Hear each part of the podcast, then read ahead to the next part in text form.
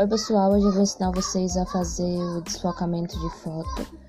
Primeiro eu vou utilizar o aplicativo Remini, que é para dar um pouco mais de qualidade à foto. Você agora vai na galeria, escolhe uma foto, aperta no visto, espera criar o projeto e tá aí.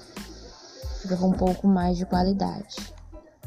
Você salva lá, Agora você vai precisar do aplicativo é Airbrush. Você vai escolher a foto lá que você editou no Remini, ferramenta, bokeh. Aumentei um pouco da intensidade atrás, salvei. E pronto. A sua foto vai ficar com o fundo desfocado e com um pouco mais de qualidade. Se gostou,